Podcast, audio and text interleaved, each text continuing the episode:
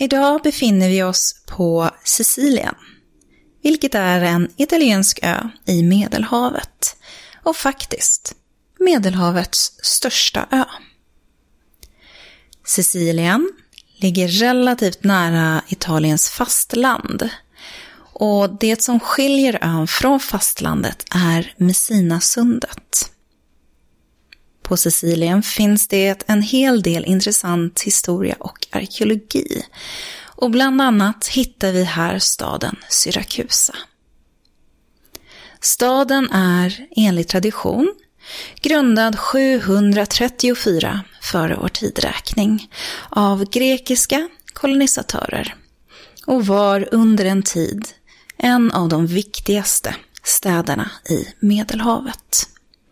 Men det är inte Syrakusa som dagens minisnitt ska handla om. Vi ska istället till en plats som ligger ungefär 22 kilometer väst om staden Syrakusa. Vi ska idag befinna oss i Pantalica.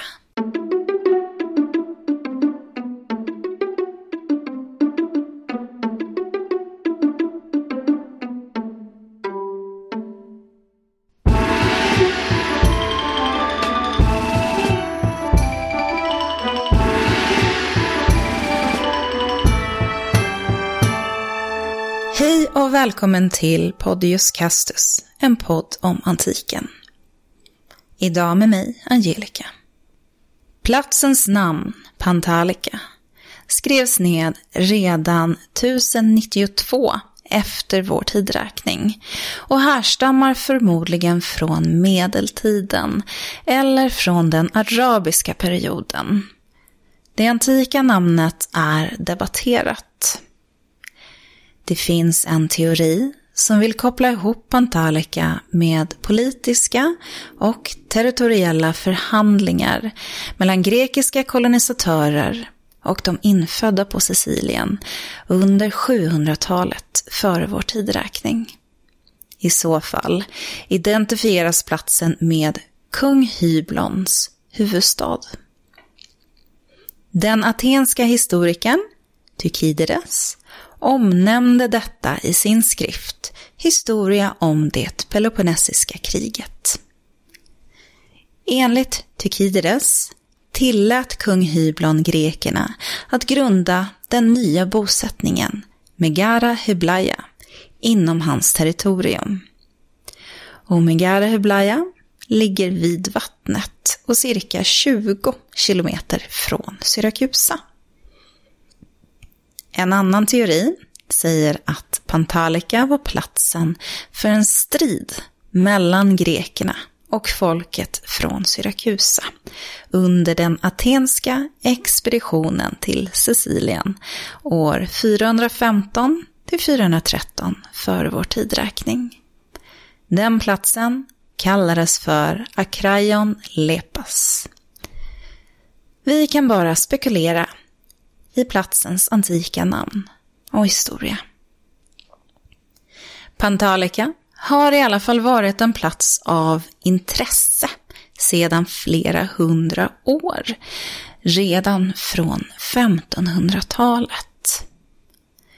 Under 1800-talet började platsen omtalas i guideböcker och är idag lika intressant och lockar turister samt att platsen har tagits upp på världsarvslistan. Det mest intressanta kännetecknet för den arkeologiska platsen Pantalica är de uthuggna klippgravarna. Och vid ett besök på platsen är gravarna något av det första man ser i den fantastiska naturscen som målas upp framför en.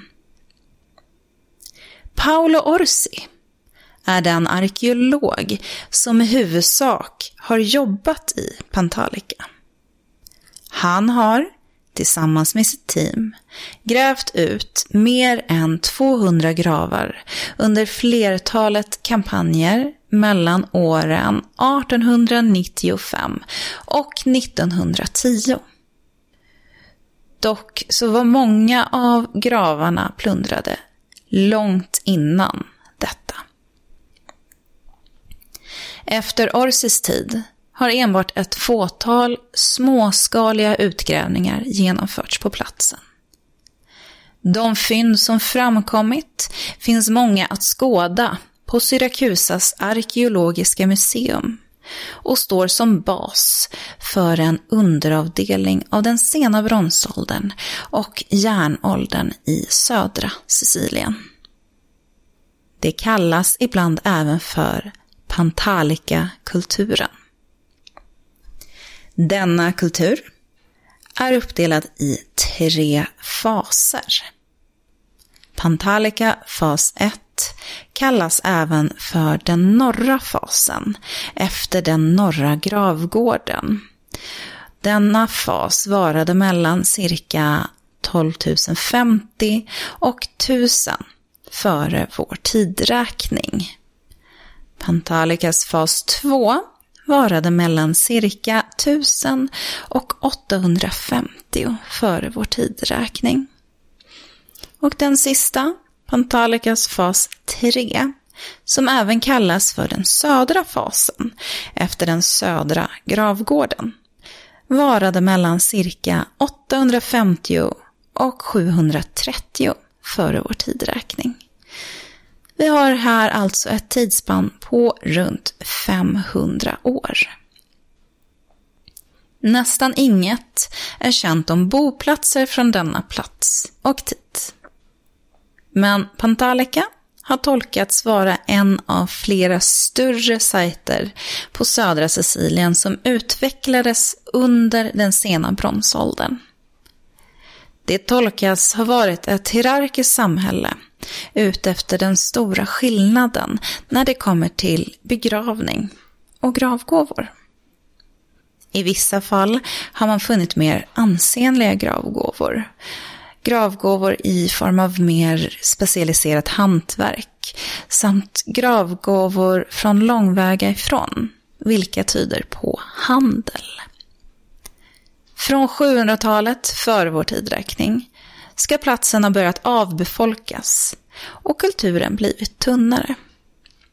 Det är först under senantiken eller tidiga medeltiden som man kan se att platsen återbefolkas.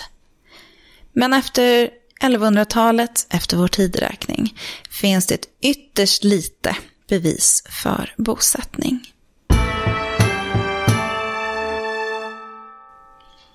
Lämningarna vid Pantalica är i huvudsak gravsättningarna. Man har inte hittat någon bosättning som kan kopplas till dessa. En teori är att bosättningen låg på en högre nivå och har eroderat bort. Det är inte helt otroligt eftersom erosion är ett problem i Pantalica. Det finns en del monument som inte förknippas med gravläggning och som inte alls är lika bra utgrävda, som är dåligt efterforskade eller bara dåligt dokumenterade. Ett sådant monument som är outgrävt, men dock iögonfallande, är ett dike som är brett och flankerat av resterna av en vägg. Detta har föreslagits vara senklassiskt eller bysantinskt, men skulle lika gärna kunna vara från 1600-talet före vår tidräkning. Uthuggna bostadskammare är en annan typ av monument som finns i Pantalica. Ofta kallas de för bysantinska eller medeltida troglodytiska hus eller för villagi rupestri. De associeras ibland spekulativt med en återbefolkning av området av flyktingar under det arabiska intrånget under 600 och 800-tal efter vår tideräkning.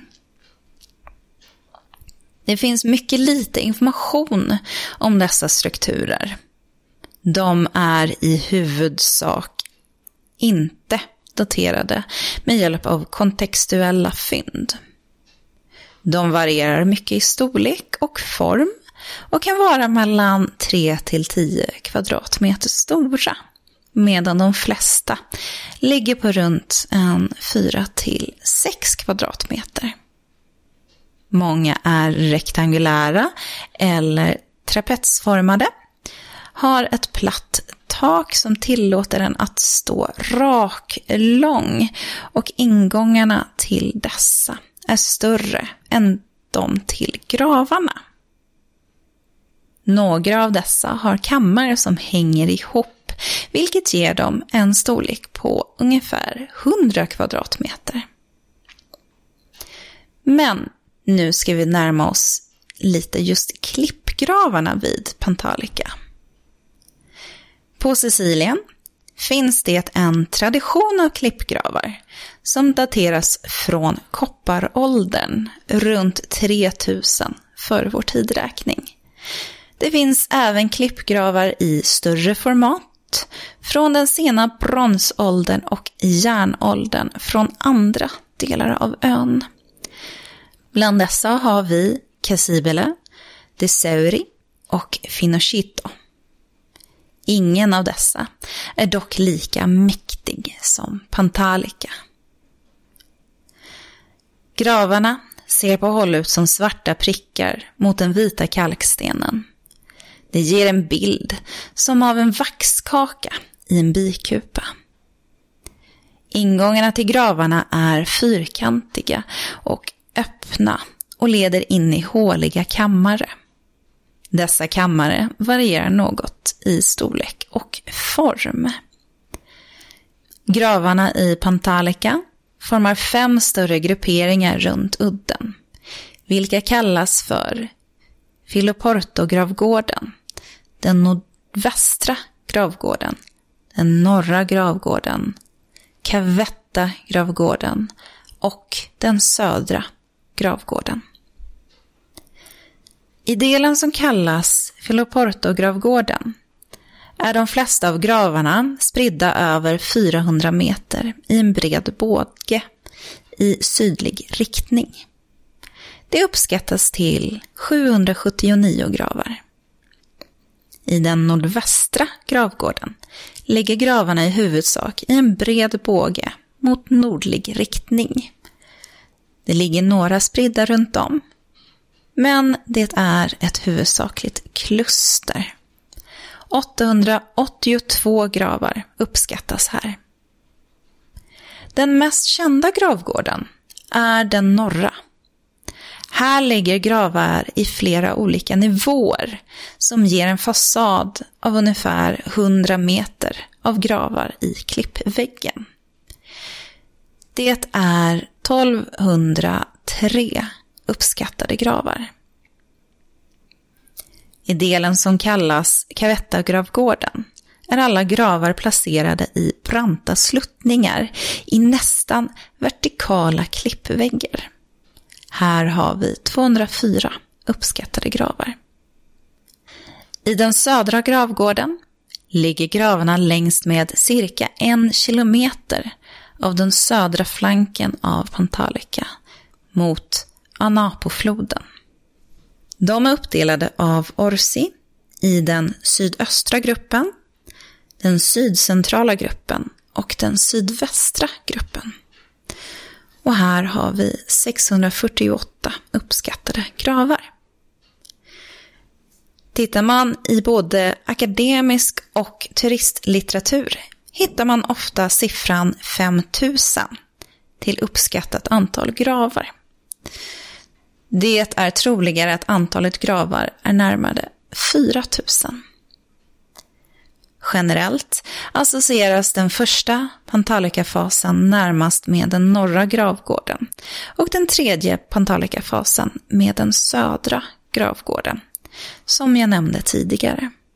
Associationer som dessa bör dock tas med en nypa salt då man enbart har hittat fynd i cirka 5% av Pantalicas gravar. Och för att sätta det lite i perspektiv så kan jag säga att antalet gravar med daterbara fynd i Folleporto är åtta stycken, alltså ungefär en procent. I den nordvästra gravgården är det 19 stycken, alltså 2,1 procent. I den norra gravgården är det 48 stycken, alltså 3,9 procent. I Cavetta-gravgården är det sju stycken. Det är 3,4 procent. Och i den södra gravgården så finns det daterbara fynd i 111 av gravarna, alltså i 17,1 procent av alla gravar.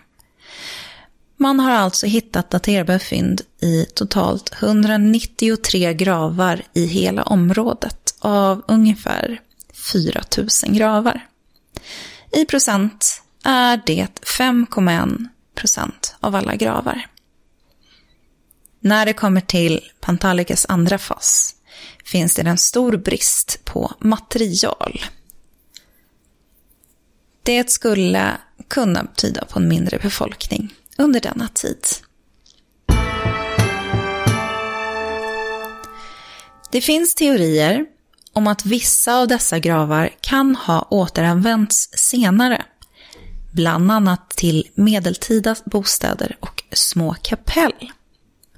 Det och aktivitet i området, alltså det faktum att de har blivit plundrade genom åren, tyder på att gravarna har varit en del av lokalbefolkningens värld. En synlig och kanske även mytbildande del. Man kan undra vad de tidigare människorna tänkte när de såg gravarna för första gången. Själv kommer jag ihåg, när jag först fick syn på gravarnas öppningar i klippornas väggar, att jag fick en tanke om små lägenheter uthuggna i dem. Där det var meningen att nära och kära skulle läggas till ro i denna dalgång för den eviga vilan.